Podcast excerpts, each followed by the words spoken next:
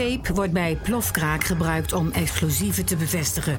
Bij overvallen om slachtoffers vast te binden. En bij moordzaken om lichamen of lichaamsdelen te verpakken. Maar hoe kan een stuk tape, achtergebleven op een crime scene, leiden tot de dader van een misdrijf? We gaan op bezoek bij het Nederlands Forensisch Instituut in Den Haag. Hier werken experts van verschillende onderzoeksgebieden met de meest geavanceerde technieken om de kleinste sporen bloot te leggen. Met uiterste precisie gaan zij op zoek naar informatie die mogelijk leidt tot bewijslast in de rechtbank. Dit is De Stille Getuige. Een zesdelige branded content-serie van NRC XTR in opdracht van het Nederlands Forensisch Instituut. Maar voor we kunnen beginnen. Uh, nou, we gaan DNA afnemen, wangslijm. En uh, van dat wangslijmvlies gaan we een DNA-profiel maken. Gaan we opnemen in de eliminatiedatabank. En om te zorgen dat we zelf geen sporen achterlaten. We gaan uh, onze labruimtes gaan we in. Die mag je alleen in als je aan een bepaald protocol houdt. Dus we hebben een labjas nodig, een haarnetje, een mondkapje en handschoenen. We hebben helemaal een bepaalde volgorde hoe je dat aan en uit moet doen. Want uh, dat is, uh, ook daar zijn uh, bepaalde regeltjes, dus daar gaan we ons aan houden. Dus dan beginnen we met mondkapje en haarnetje. In deze aflevering staan de onderzoeksgebieden kras, indruk en vormsporen, DNA en vingersporen centraal. Als je kijkt naar het vingersporenonderzoek is een, het vingerspoor... Ehm, wat geplaatst wordt is eigenlijk een, een, stempel van al het residu wat in je vingerspoor aanwezig is. Dat is op zichzelf staand al een, uh, een mengsel van heel veel verschillende verbindingen. De, de zweet, of uh, tallig, of uh, cosmetica, of haarproducten of zo. Heb je een heel scala aan wat dat zou kunnen zijn.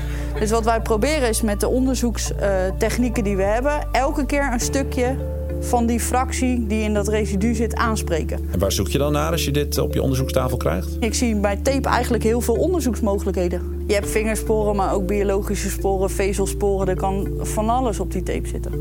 Hoe onderzoek je dat stap voor stap dan? Je gaat eerst beginnen we met kijken met gewoon een lampje. Dan gaan we kijken met een forensisch lichtbron. Dus dan hebben we verschillende kleuren licht met verschillende filters. En dan gaan we zo steeds verder in technieken in het... Uh, ja, in het zichtbaar maken van, uh, van het vingerspoor. Je hebt daarvoor allerlei lampen, zie ik. UV-licht, blauw licht, groen licht, fluorescentie. En ook met gewoon licht kun je volgens mij al veel zien, toch? Zoals die nu ligt, uh, heb je zicht op de kleefzijde. Zo zie je natuurlijk al dat het een beetje aan mijn handschoenen blijft plakken. Maar dat is nou eenmaal met tape zo. Dus je ziet een aantal dingen zie je al gebeuren bij die tape. Je ziet bijvoorbeeld hier, aan deze kant, als ik het heel even hier kan aanwijzen... zie je een origineel uiteinde. Deze is heel recht.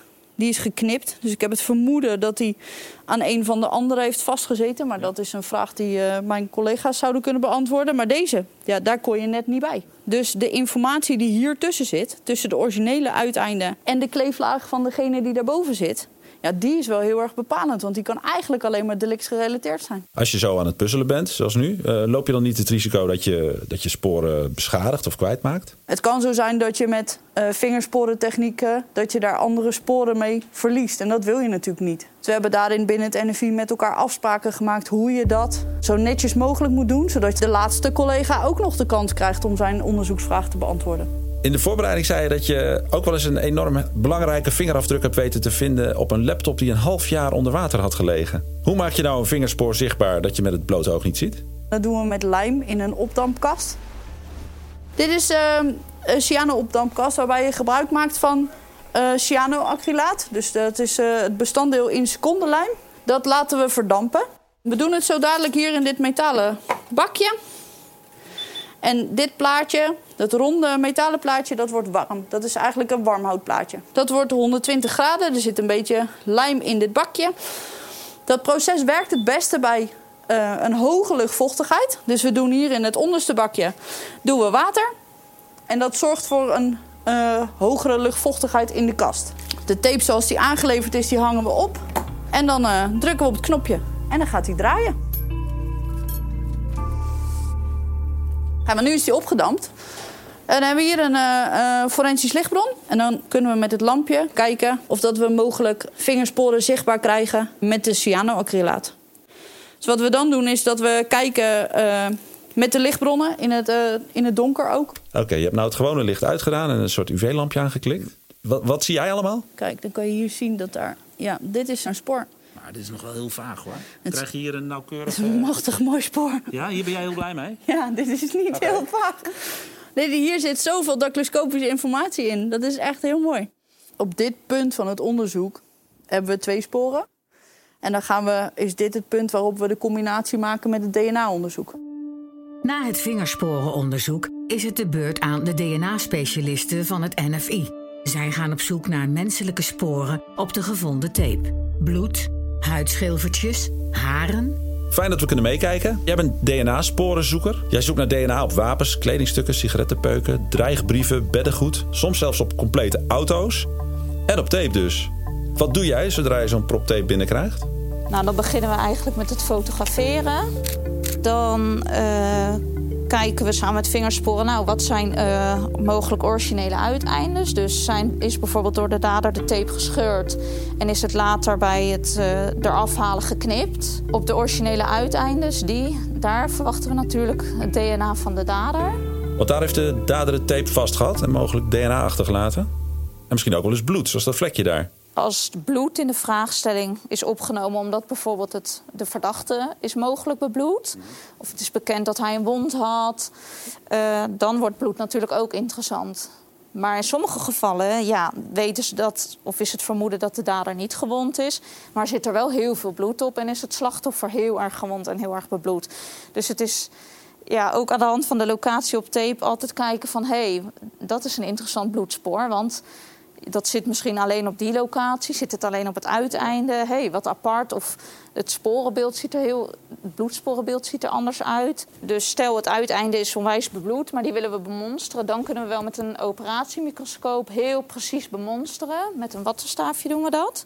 Dan hebben we tangetjes die we altijd uh, maar schoonmaken, zodat er geen contaminatie tussen sporen plaatsvindt. Dan hebben we chemicaliën waarmee we uh, indicatief bloed kunnen testen. Zodat we eigenlijk met het wattenstaafje uh, het uiteinde in overleg met vingersporen kunnen bemonsteren.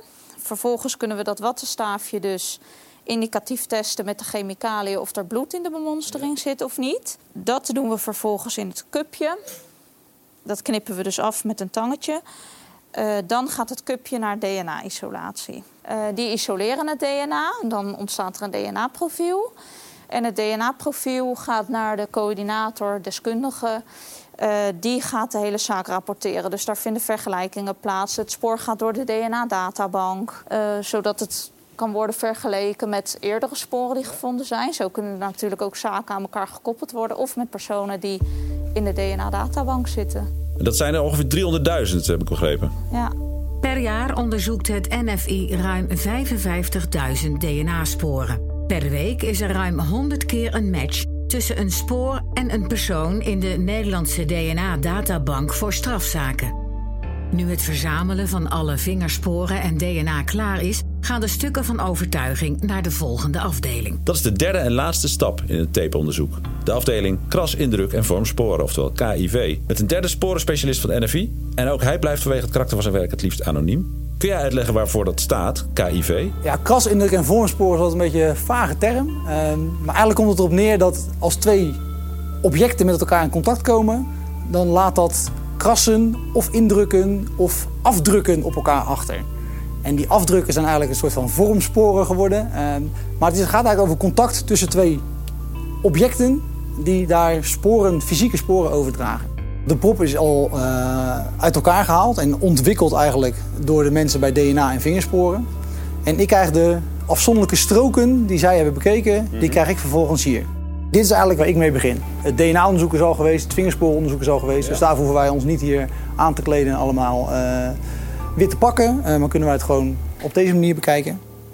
Je onderzoekt hier allerlei lugubere dingen. Ik hoorde al over schedels die zijn ingeslagen, moordwapens, messen, mitrailleurs. Waar begin je dan mee? Ik ga dan eigenlijk op zoek naar aanwijzingen of deze stukken tape van dezelfde rol afkomstig zijn. Zijn deze van dezelfde bron afkomstig? In eerste instantie gewoon visueel naar de kenmerken die je zo met het blote oog kan zien.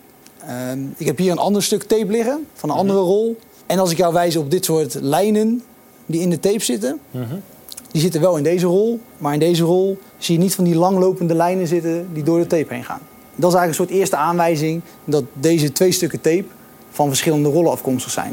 Uh, nu kijken we alleen naar de bovenkant van de tape. Nou, ik kan natuurlijk ook de folie omdraaien en naar de, de plakzijde van de tape kijken, daar kan je weer andere dingen in zien. Met blote ogen is het moeilijk, uh, maar ik heb hier een microscoop. Dat is ook het apparaat wat we op de achtergrond horen? Dat is het apparaat dat op de achtergrond hoort. Ja. Uh, dan kan je eigenlijk in detail kijken naar de vezelmat van de tape. Dit is nu ongeveer 100 keer vergroot. En daarop kun je dus kijken van nou, hoe ziet dat er nu uit? Hoe is die, die tape nou gemaakt? En vervolgens ga je dus verder puzzelen van hoe hebben deze stukken dan aan elkaar gezeten. En dan ga je echt in detail kijken naar die uiteindes. Nou, ook dan is er in eerste instantie een soort grove schifting te maken. Welke uiteinden zijn geknipt en welke uiteinden zijn gescheurd. Een geknipt uiteinde zal nooit aan een gescheurd uiteinde passen. Um, en daarnaast kan je dus uit de scheuren en uit de knippen ook wel iets van reconstrueren wat bij de plaats delict is gebeurd en wat bijvoorbeeld later is gebeurd. En later kan zijn nog steeds op de plaats delict, maar dan door een uh, hulpverlener. Maar later kan ook zijn op het lab bij vingersporen en DNA. Die hebben ook soms stukken geknipt om de tape uit elkaar te kunnen halen. In dit geval waren het uh, 1, 2, 3, 4, 5, 6, 7, 8 stroken tape. En die heb ik op deze manier gereconstrueerd. En deze stukken tape die hebben dus zo op de rol eigenlijk gezeten. In dit geval bijvoorbeeld uh, is hier een vingerspoor aangetroffen. En er is hier een DNA-monstering gedaan waar een DNA-profiel uitgekomen is. En dan zit hier zit ook nog een vingerspoor. Dus een verdachte, of de dader eigenlijk, want je weet niet of de verdachte het is. Maar de dader is hier begonnen met de tape van de rol af te halen. En vervolgens is deze tape, wat is in totaal circa 2 meter tape is, ja. die is allemaal van de rol gekomen en gebruikt om het slachtoffer vast te tapen. Als een verdachte nu verklaart, ja, ik heb wel een rol tape vastgehad, eh, want ik klus wel eens. Dus dat mijn vingerspoor op die rol tape zit, dat kan best, maar ik heb die meneer niet vastgebonden. Dat vingerspoor wat helemaal aan het uiteinde zit, dat is logisch verklaarbaar met het verhaal van die verdachte. Want dat zit inderdaad aan de buitenzijde van die tape. Maar het vingerspoor wat anderhalf meter verder zit, daar kan niet jouw vingerspoor op terechtkomen als jij alleen maar de buitenzijde van die rol hebt vastgehad. En zodoende kan je dus ja, eigenlijk reconstrueren wanneer bepaalde sporen ergens terecht zijn gekomen. Het onderzoek is klaar. De feitelijke en wetenschappelijke benadering van alle aangeleverde stukken zit erop. Tijd voor een rapport. In zijn rapport wordt beschreven welke methodes we hebben gebruikt, waarom we die methodes hebben gebruikt, wat de resultaten zijn. En we interpreteren de resultaten altijd aan de hand van hypothesen. En die hypothesen, dat zijn dus inderdaad de scenario's bijvoorbeeld van het Openbaar Ministerie en het scenario van de verdachte. En we kunnen dus kijken in hoeverre de resultaten die we hebben passen bij de ene hypothese en in hoeverre die passen bij de andere hypothese. En zo kan je een soort van ja, gebalanceerde uitspraak doen bij welke hypothesen de onderzoeksresultaten het beste passen eigenlijk. Maar het is uiteindelijk aan de rechter om te beoordelen, om het oordeel daarover te vellen. En om te zeggen of iemand dus schuldig is, ja of nee. U luisterde naar De Stille Getuigen, een zesdelige branded content-serie van NRC XTR in opdracht van het Nederlands Forensisch Instituut. Ga voor meer informatie en openstaande vacatures naar nfi.nl/podcast.